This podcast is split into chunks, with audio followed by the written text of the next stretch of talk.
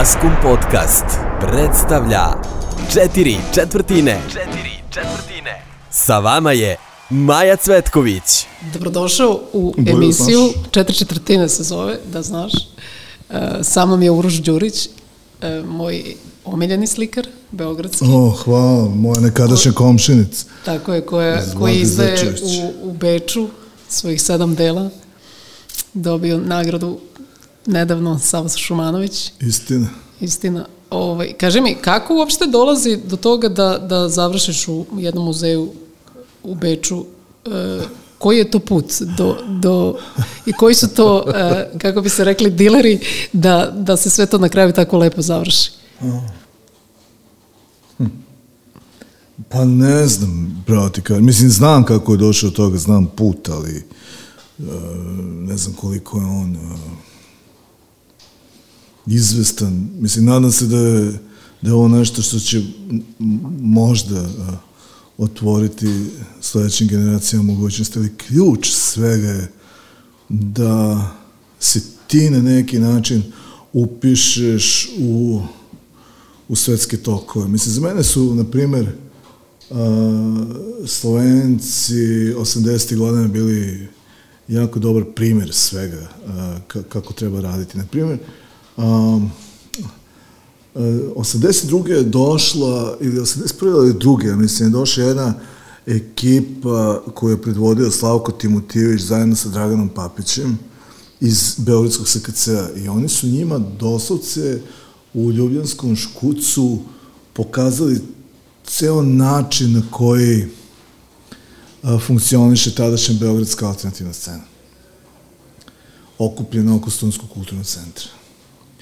I oni Slovenci, vredni ljudi, jel da, koji su tada bili na nekoj ivici, onako između avangarde i konzervativizma, ali suštinski su njihove a, institucije bile konzervativnije od beogradskih. A, su sva ta znanja pokupili, zašto su se Slavko i Papić prosto raširili po toj Ljubljani, našli neke fotokopirnice, napravili u tih nedelju dana spektakl, show, tu su bili koncerti, izložbe, oni su to sve odradili na licu mesta.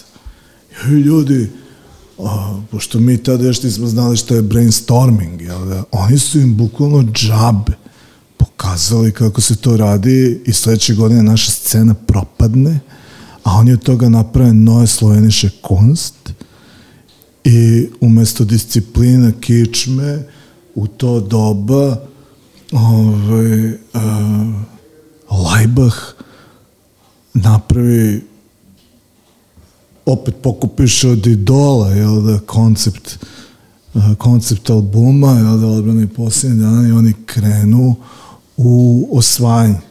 I šta su oni uradili? Oni su shvatili da oni na zapad moraju da dođu na neku foru, jel da? I ta fora se zvala turneja po okupiranoj Evropi.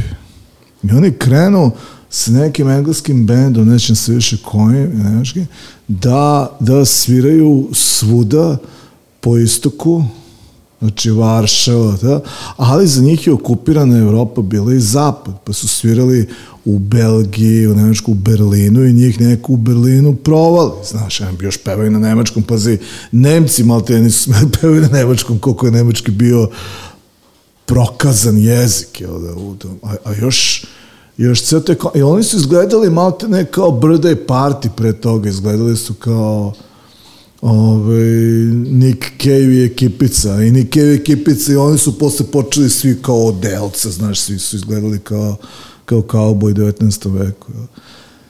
I na kraju su oni u stvari preko Berlina došli do Londona, do Mute Records, jel da? I to je sve išlo polako, onda su oni u okviru svog škuca pokrenuli isto neku izdavačku kuću, iako su prvi u Beogradu imali to nezavisno izdanje i doli. jel da? Znači oni su inteligentno sve gde smo mi pokazali onako iskre neke pojavnosti, oni su to sistematizovali i od toga su napravili.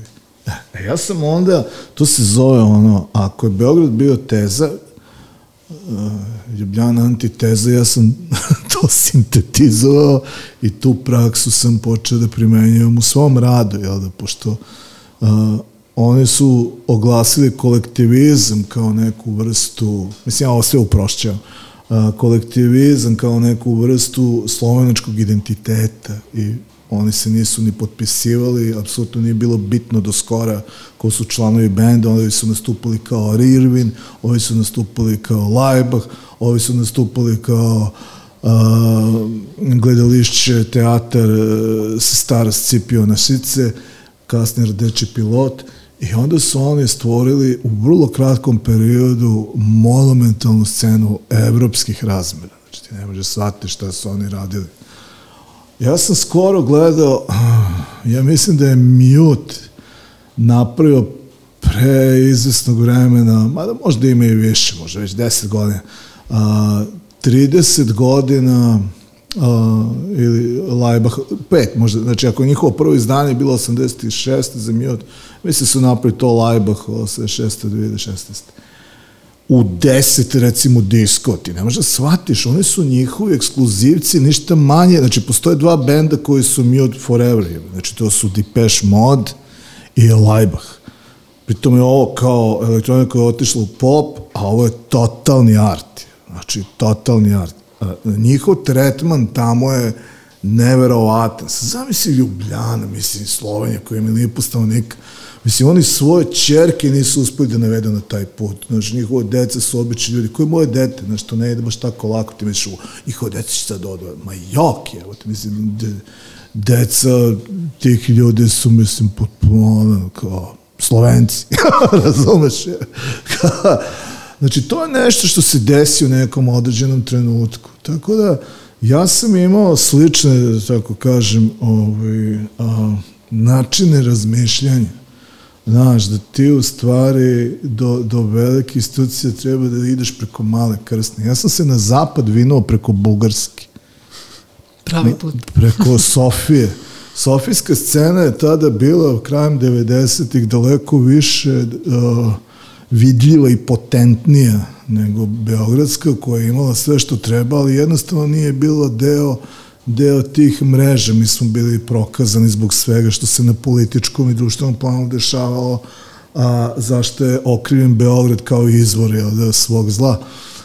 I onda su oni došli u jednom trenutku, dvoje Bugara, otec, ovaj, majka i, i, i sin, i majka galeristin i sin umetnik, i onda je bilo više autora koje su oni videli, čak mi je sad skoro rečeno da je bilo, boga mi, skoro i desetak, ali oni su odabrali mene zato što sam ja dolazio sa potpunim novim jezikom i s tim projektom koji se zvao populistički projekat i zaista mene je bugarska scena prihvatila potpuno kao deo sobstvene scene. Mislim, to je, to je, to je nešto što ja njima ne mogu da zaboravim.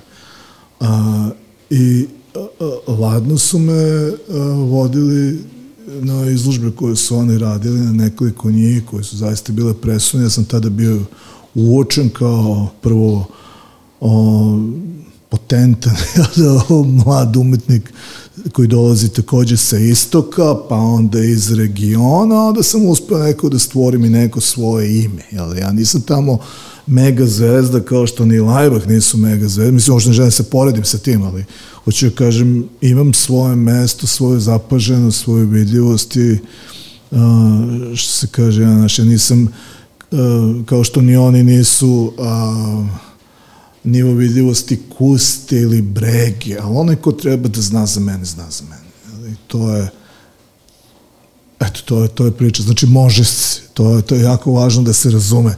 To nije pitanje novca, to je pitanje prosto promišljenja, strategije, inteligencije i instinkta. Jel da? I to sve kada se pomeša, to su elementi koji su potrebni, ali verovatno postoji jedan voljni moment i trenutak kada ti treba da prepoznaš da je to nešto što ti se može da otvara. I to je zaista ona gotovo biblijska situacija, ti ne znaš ko će biti taj čovjek.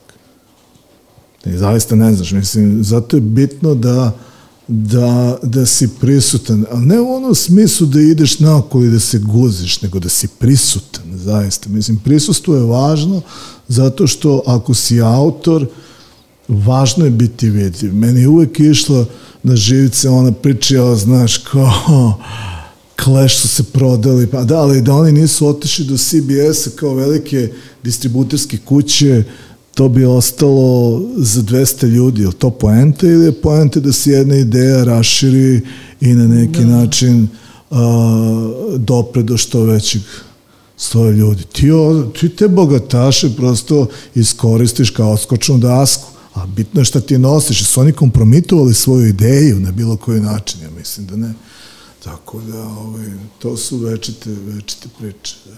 Dobro, baš to kad dolazi slika do kupca, koji je to put i kako to u Srbiji, ja te pitam sad kao lajk, da. bukvalno, kako u Srbiji ti, nazovimo ih galeristi, dileri, kako ih već vi zovete, da. kako to sve funkcioniše? Pa najveći deo toga je do skora, i to zaista do, do skore skorine funkcionisalo u sivoj zoni, najčešće u sivoj zoni. A na što sam negde čitala, da te prekinem, da. svini. Negde si e, rekao, to mi je baš bilo zanimljivo, da si odrastao sa majčine strane u trgovačkoj porodici i da si odatle pokupio da, e, da. zanat, da kažemo. Pa jeste, da, da, da. S jedne strane, po majici u trgovačkoj porodici, kao i tvoja koja dolazi s juga, jel da, Leskovac i okolina, ovaj, i oni su ljudi prosto, mislim, trgovci, brate. ili su trgovci, ili su tekstilni industrijalci, treće ne postoji. Dobro, koliko misliš da je taj, znači kao i u muzici što imaš, napraviš pesmu, to je jedno, e sad taj menadžerski, organizatorski smisao, koliko je važan da, da ona dođe do... Znaš šta, ja sam opet odrastao u jednoj, mislim, sve se ovo događa u trenutku kada je vladajuća atmosfera planetarna, bazirana na koncepcije koja je proistekla iz panka, koja je opet derivat uh, 68-maške priče, pogotovo 60. godina. Ovaj, a to je uh, uradi sam, do it yourself. Znači, uh, DIY je bila, um, kako bih rekao, uh, gotovo uh, epska odrednica tog vremena i ljudi se nisu ustručavali da rizikuju, da pokušavaju da onog trenutka kada se stvari odvijaju ne čekaju da li će neko da ih primeti, da li će potpisati ovaj ili onaj ugovor kao što je bilo sa prethodnim generacijama, nego su shvatili da se proizvodnja ploča ovaj, kao i štampanog materijala koji je, koji je prateći materijal a, svakog izdanja a, može uraditi u gotovo pa manufakturnim uslovima. Znači, dovoljna je jedna soba gde ćeš ti imati jednu manju ovaj, štampariju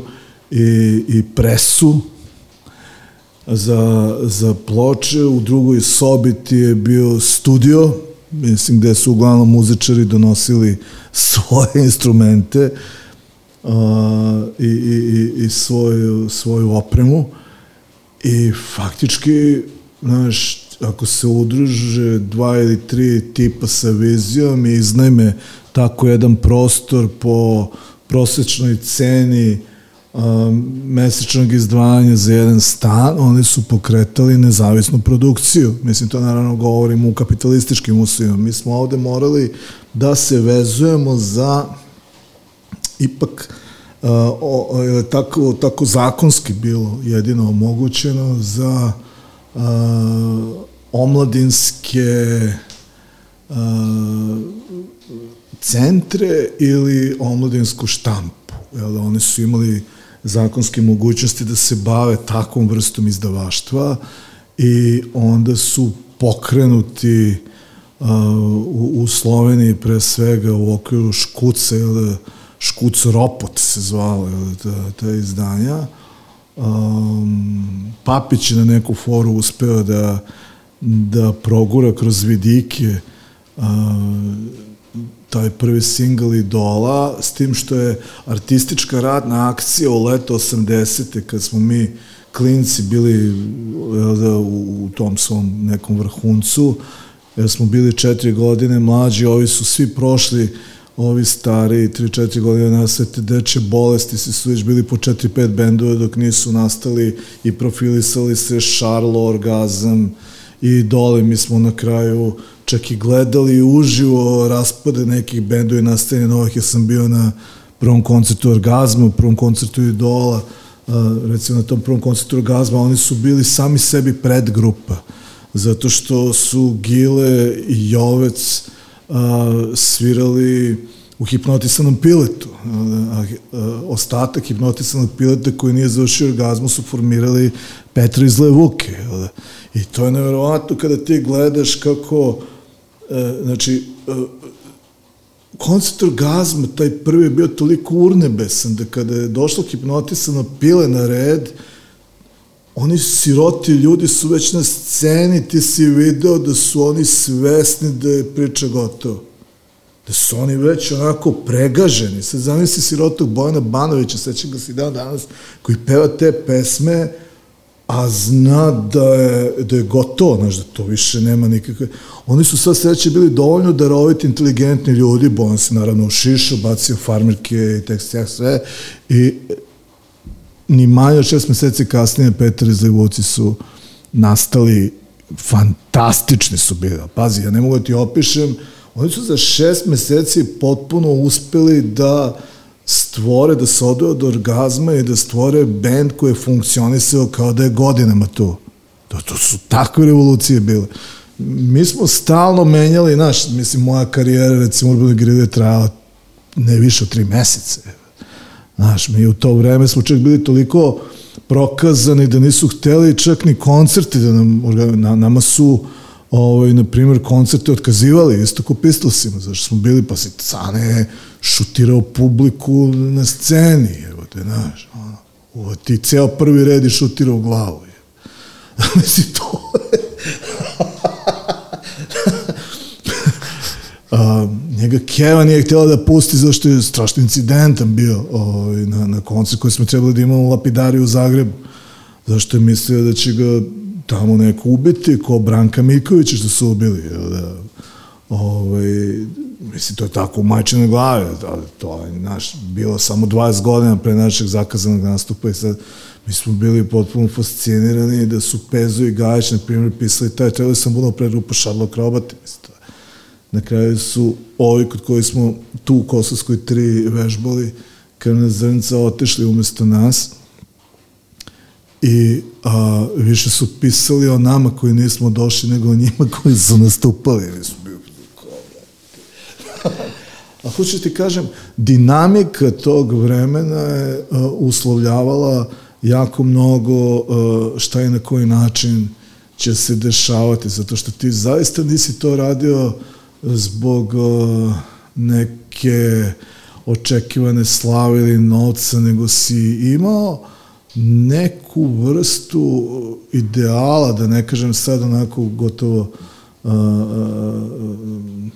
kako bih rekao, pretencijozno višeg cilja, ali mi smo zaista želi da budemo bolji sutra nego što smo bili juče ili danas, ukoliko smo nastupali. Naš, zaista je postojala neka ideja o progresiji, da, da, i ti dan danas kada slušaš recimo album kao što je Odbrana ili Poslednji dan ili pesma s kojom se taj album završava, to je hajde, uh, kako beše ona uh, već se krete ne mogu da se setim, to su ti ono staračke blokade tipične. Um, to je ono gde su samo vlada divljani i, i klavir na kraju. Hajde, sanja me sanje. Um, Pazi, on je to napisao sa 24 godine ti ako staneš i kažeš da li je ovo realno, mislim, taj klaver je ociran kao da ga svirao Kid Jarrett, mislim, to su, to su takve harmonije, to su takvi, znaš, to su takve avangardne, ovaj, takve avangardni elementi u jednoj muzici koja je prevashodno kao neke pop orijentacije. To je ludilo, znaš, mislim, to je, to je nešto što se, i to mora da se vezuje ipak za određen uh, deo, kako bih rekao, određenih orijentacija u jednom vremenu koje, koje je išlo ka tome, zato što vidiš da to nije propalo samo u Beogradu isto vreme, to je u svetu propalo u isto vreme. Znači, 83. je bila ključna godina kada je se industrija povratila od šoka i počela da nameće ovaj, uglavnom preko gej kulture te neke, kako bih rekao, derivate panka koji su bili prijemčivi. Da? A, a, a dovoljno skandalozni opet da bi privlačili omladinu, tipa Culture Club, pa ne znam, Wham, pa ne znam, Frankie Goes to Hollywood, pa ne znam, pa to je sve nastalo 83. godine, četvrte. Kako lepo ovako slušati da. neko ko je toliko zaljubljen u muziku. Nije to muzika, ja sam zaljubljen u život, ona je bila deo života, ona danas nije deo života, ona je dekor života. Tako. Ajde malo da čujemo. Ogromna razlika. E, razmišljala sam šta da pustim kada mi ti budeš gost. I toliko toga da. bilo u optice i onda sam se e, odlučila za Bob Dylana. Like Rolling Fuj. Stone. Odvrat, nisi mogla gore. Baš si me promašila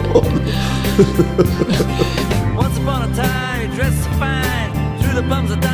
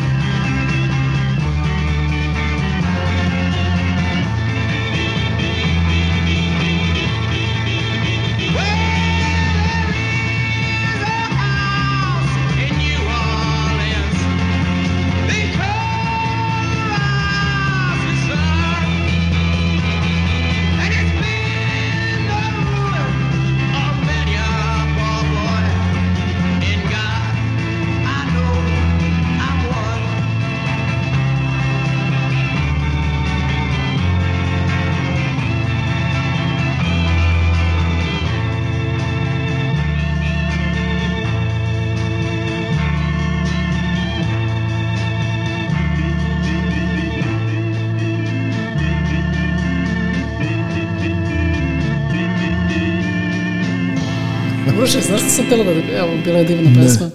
Ovo što sam tela da te pitam. Negde sam čitala da ti je prvi veliki koncert na kome si bio smak. Da, da. Ovaj, U koji ti Pioniru, da, da. se sećaš toga? Kako da ne, bio je 8. septembar 77, Uj, sećam se Evo ga dan tragač, danas. sve zna. Pa to je bio toliko veliki događaj, mislim, nisam imao ni 13 godina. Otišao sam sa svojim ortakom Raletom, zvanim Aka, i Aka i ja smo otišli u pionir sami, znaš, ono što sam bio tek, tek zagazio u sedmi razred. Ovaj, ja mislim da sam u, u Dubrovniku ono, s roditeljima bio i kupio sam tamo crnu damu koja je tek izašla krajem augusta i taj koncert se najavljivao na sva zvona, ne može shvatiš, a svako ko bi kupio kartu dobio je još i single. A, iako sam imao album, ali nema veze single, kao, ovaj, u kome su bili, čini mi se, Alo i Dajre, mislim da još uvijek ima negde taj single. I, um, to je bilo ludilo, je, ne možeš da shvatiš, bio je prepun pionir. A, mislim, mi smo u to vreme već odbacili bijelo dugme kao, kao neku, a, za kog smo se osjećali da nas, da nas vara, da nas je negde na neku foru izradio. da, ne znam, to, je teško objasniti sada, trebalo bi mi mnogo vremena, mislim, umeo bi to i da argumentujem poprilično, ali a, a, on je jednostavno na, nama, nama prodao foru, a nama nije bilo stalo do fore, nama je bilo stalo do suštine. Jel da? I onda su se pojavili ti ovaj, čudni ljudi iz Šumadije, e, taj ljutiti, večno namrgođeni čovek koji svira tu gitaru ubitačno, ali je uvek tu, znaš, prolazila neka, neki patos, jel da, pošto je on, mislim, uh, i sam negde jako mnogo doprinosio stvaranjem kulta o sebi, jel?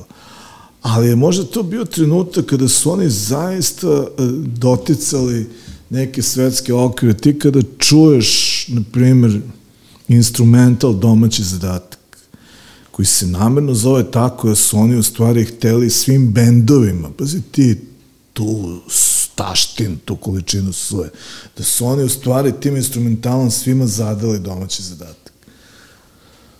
Ali da, zaista jesu, mislim, onaj solo Zorana Milanovića na basu, evo ti si basistkinja, mislim, za mene onaj dan danas potpuno ludilo, jel da, mislim, to je gde su svi oni izređali, jel, malo točak, najmanje točak čak, Miki Petkovski, ne znam, Zoki, Kepa na bubnjevima se, ta pesma je mene i dan danas vrhunac tog uh, instrumentalističkog uh, uh, pristupa muzici gde je muziciranje uh, uh, nešto čemu se gravitira kao najznačajnijem. Jel da?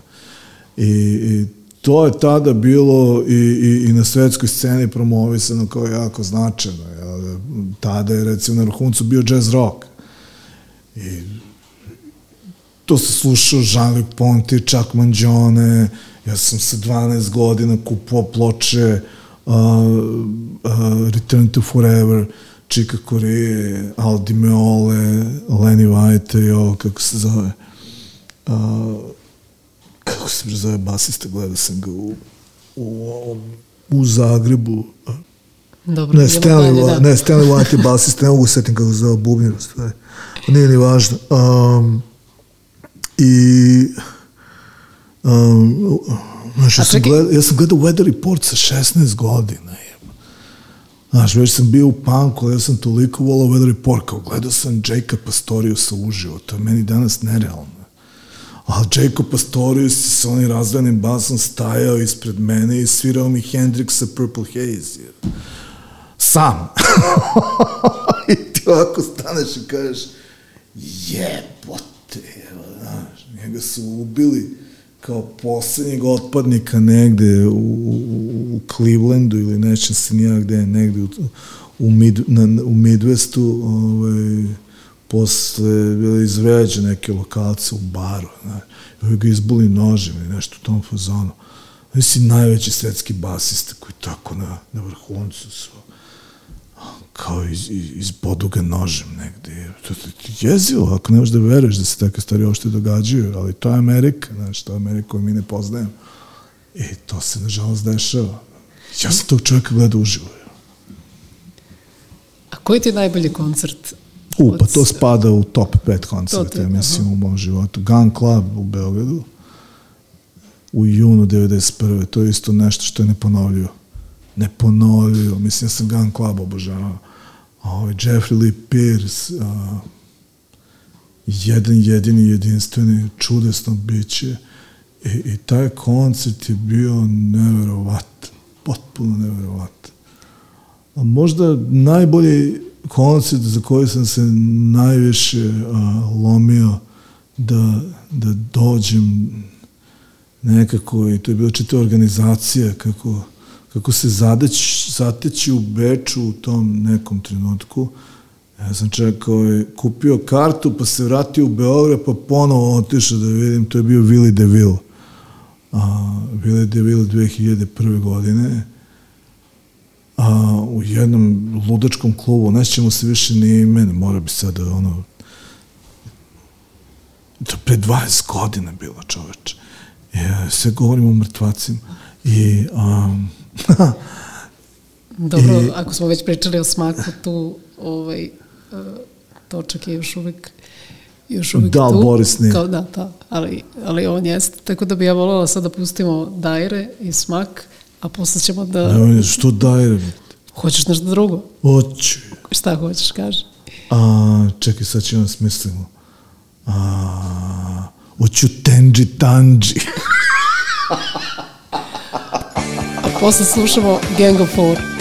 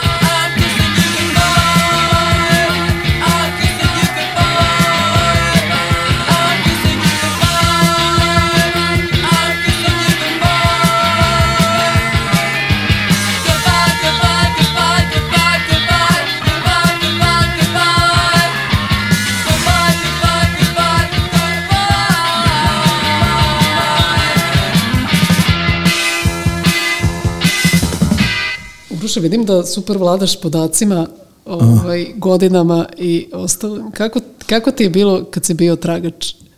Ej, gledao sam Prince. Koga briga kako je bilo kad... To je tačno. Da, ja Prince nisam, ja Prince nikad nisam gledao. Ej, gledao sam Prince uživo. Da li je to realno? Na Wald stadionu u Frankfurtu. I znaš što je još nerealno? To je bio jedan od najloših koncerta koje sam gledao u životu. Zašto? E, baš me to zanima sad. Zašto? Znaš zašto? Zašto sam otišao napaljen da vidim čudo, a on je došao i izveo predstavu. Druže, nisi ja došao na predstavu, ja sam došao da vidim od tebe strast i ludilo, a on je imao scenariju, to je čak bio i koš na bini, pa on kao malo igrao košarku, pa je malo sojona, što je ona faza sa New Power Generation ti prvi koncerti New Power Generation 87. godine su bili fenomenalni.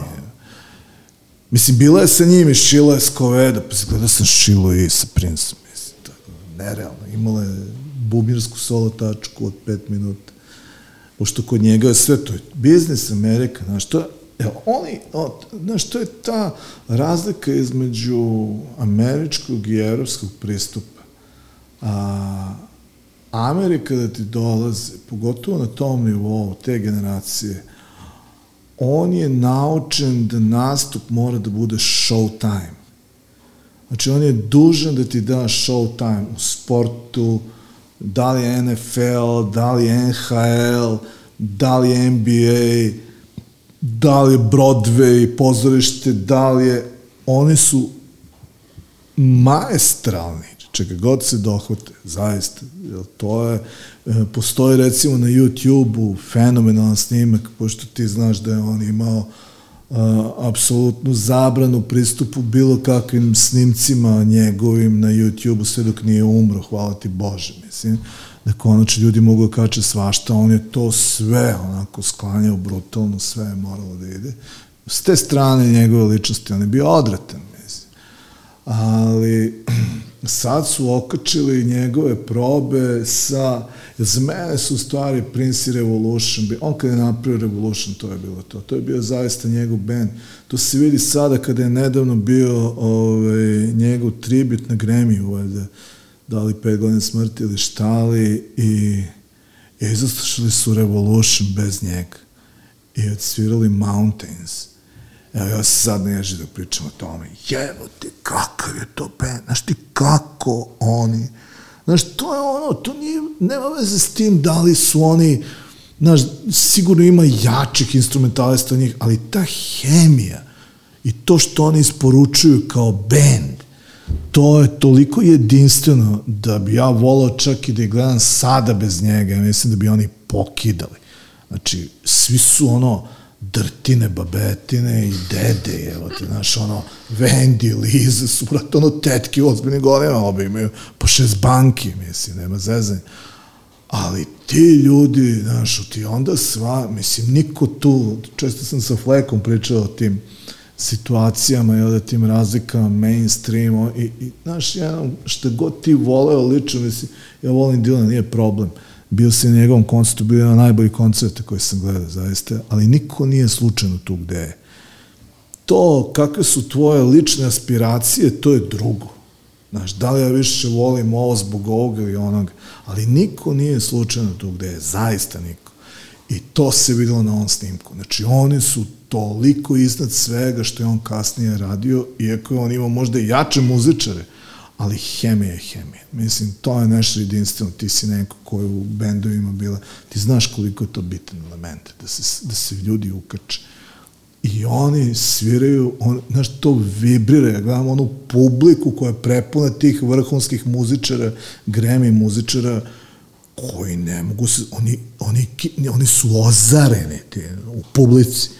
Znaš, kad, kada ti odjednom, koji si vrhunski performer, se osjećaš kao maleno dete, jel da, pred njima. Zato što je to nešto sa čime ti nikad nisi mislio da ćeš moći ovo što se porediš, jel da, a oni su tu ispred tebe i sviraju te, znaš, to je neverovatan trenutak bio. Mislim, bile su fantastične verzije, recimo Bruno Mars, ja nisam uopšte znao da je on ludilo od gitariste. On je odsvirao takvu verziju Let's go crazy, da meni otpala vilica, zaista. E sad mi pričao Bruno Marsu, mislim ti ja nikad ne bi seli kao slušali Bruno Marsa, boli nas u... Ali to što je on napravio na Grammy, to kao svirajući Prince, meni je vilica otpala doslovce. Znači, nema zezanja. Znači, on je dohvatio, još je svirao na Princeovi gitari, znaš, ona, Da, ona da, da, da. Love ili kako se već zove, ona, njegova, ona, ona najodvratnija gitara svih vremena, mislim, ono, kulovska do bola, ona. Ja mislim, ono, najveći kičeri sveta se sastao, ne bi uspeli tako nešto osmisli. Ovaj, I Bruno Mars je uzeo tu gitaricu, ono, koja izgleda zaista kao iz plastičnih i kao plastična igračka, samo preuveličena. I pokidao je. Ja sam bio pozvano, da li je realno da ovaj čovjek ovako svira. Pritom, znaš, on to ne radi.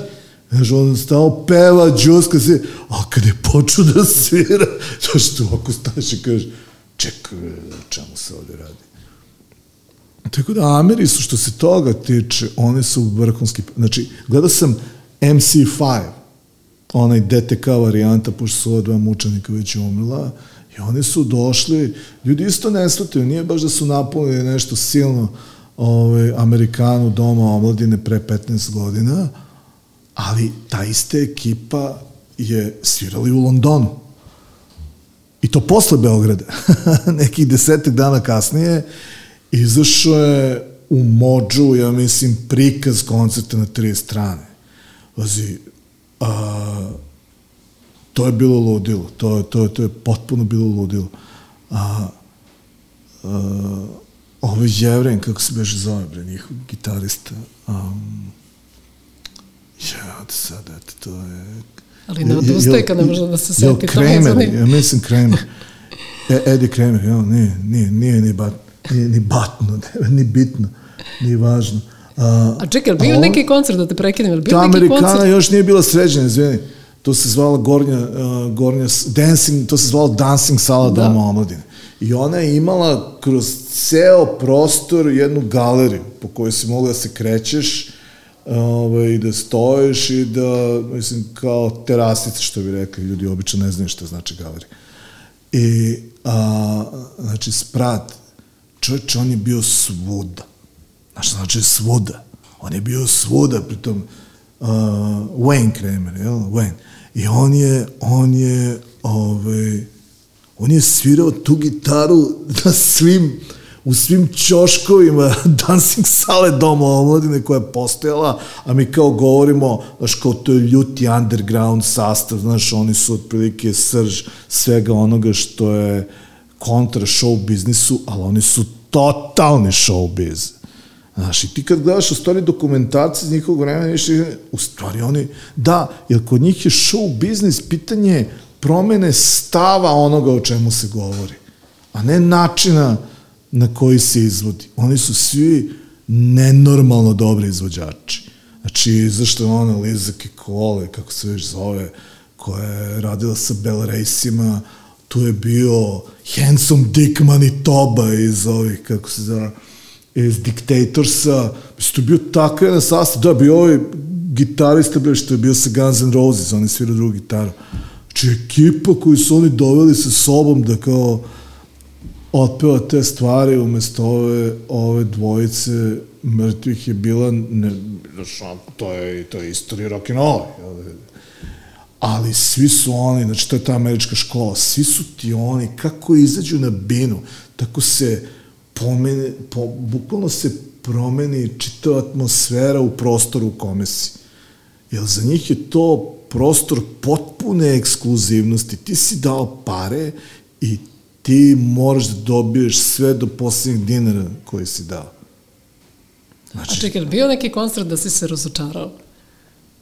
Razočarao Red Hot Chili Peppers u NG. Stvarno, To što bilo- ja, ja to nisam gledala. To baš... Pa zato što prvo je došla gomila morona, znaš, strašno je bitno ko je oko tebe. A ovi degenerici su hteli da uzmu što više jel da? Tako da je ceo smisao koncerta Red Hot Chili Peppers kao koncerta nastupa, jel da, nekoga ko je veliko ime i privlači mnogo ljudi, i, i način na koji je to izvedeno bio u jednom velikom raskoraku. Ispred mene su bili neki moroni, dilberi, ne možeš da shvatiš koliki, od kojih ja nisam mogu da vidim bine. Pitao sam bio pet kilometara od bine, ja nisam mogao da prijeđem, ali sve bilo prepuno. A, to nisu uslovi za...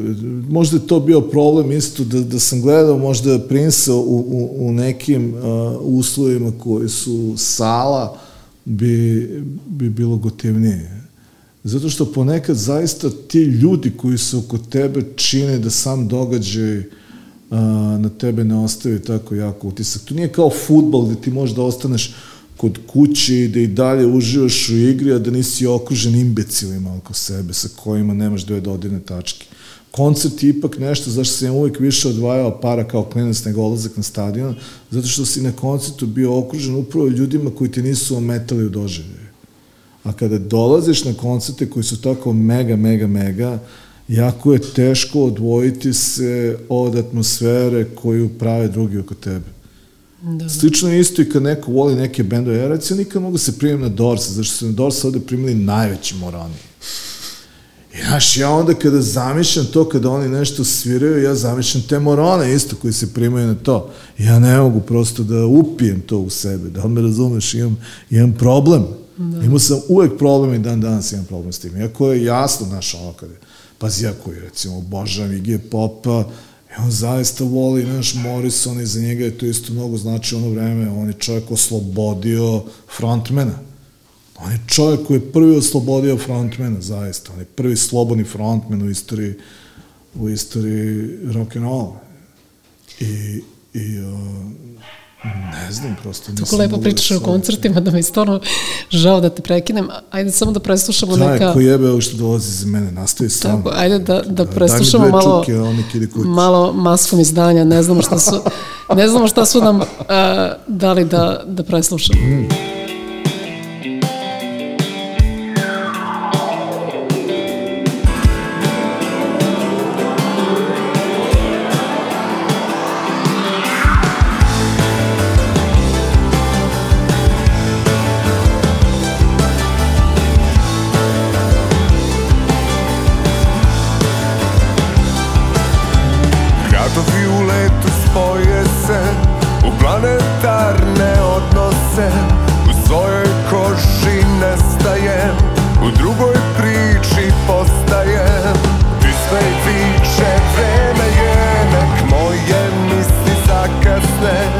wasze X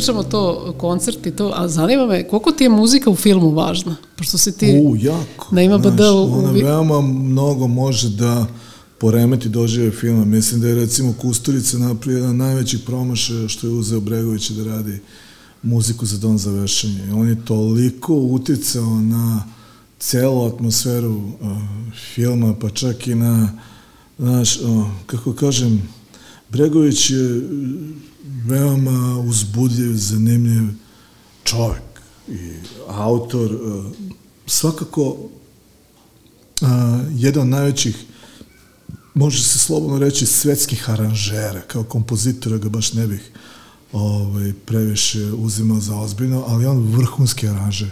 I mislim da je on jedan od redkih ljudi koji zaista ume napravi aranžman kao, kao niko. Neverovatan osjećaj, neverovatan feeling, pritom strašno pocenjen kao gitarist. Mislim, on je opasan gitarist. Opasan. On nije, on nije možda uh, virtuozan kao točak, ali način na koji on primenjuje svoje znanje, gitarsko umeće, je izvan svih uh, kategorija prosečnosti. Dakle, on je fantastičan tip. Fantastičan. Mislim, o njemu može zaista puno da se priča. A, ali recimo, ja nisam ljubiti njegove finske muzike, njegova finska muzika suviše dominira filmom. Znači, on sebe ne ume nekako da kao autor a, a, usadi u film. On suviše sebe nametne filmu. A, pre svega zato što je veoma lenj čovek. Mislim, i to je, i on to i priznaje, ali je glupo što se tako i, pazi, ja kad sam lenja zaista ne radim. Ali kad radim, sumanuto je biti lenj do te mere da kopiraš samog sebe. Pazi, on je elemente muzike iz dugmeta stavljao u kraljicu Margo. Znaš šta, jedi govna jeba. Ali istinski, onako, znaš, kako te nije sramota, pre čoveče. Znaš, mene ta besramnost kod njega nervira najviše, zato što mislim da je on mnogo više od onoga što je sebi dopuštao da bude kroz život. Mnogo više. A štete, mislim, znaš, zaista štete. Beskrajno darovit, uman čovjek, mislim, sigurno neko sa kim vredi provoditi vreme, mislim, da, fan, fantastična ličnost. Ali, um, njegovo ovaj, iživljavanje zaista u svom prvom poslu, a to je sa Kusturicom, a Kusturica, pošto je mlađe od njega, verovatno mu je bio jači autoritet, mislim, znaš, ima ta između njih dvojice priča koja je fantastična, ovaj, pošto ovaj ne prestaje da ga zaliva gomilom džubreta, non stop priča, naj, ono, odvratnije o njemu, ovaj čuti, znaš, da ništa ne odgovara, mislim, čovjek je on elegantan gospodin čovjek. A na kraju, jel, nije izdržao, izvukli su. Onda on rekao je samo jednu rečenicu, ovaj, ali on je majstor za ukopavanje. A, samo je rekao, pa znate, ovaj, kaže, Emir je kasno postao popularan.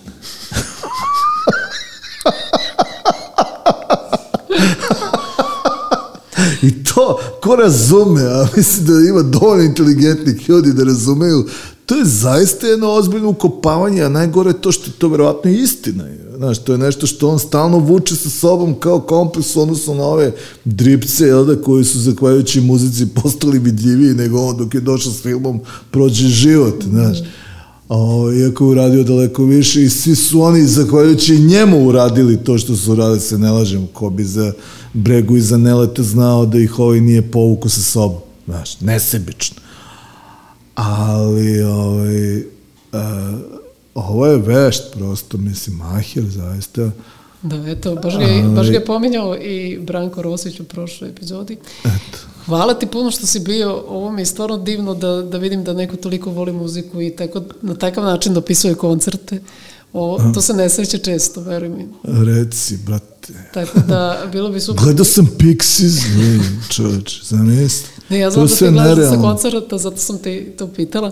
Ništa, hvala ti Uroši što si bio. Nadam Nemo se da ćemo čemu. da napravimo i drugi deo ovoga, da, da uspemo sve da, sve da ne pobrojimo. Zašto drugi? Da. Mi trebamo zove svake nedelje. Pa to je to. hvala ti puno, vidimo se neki.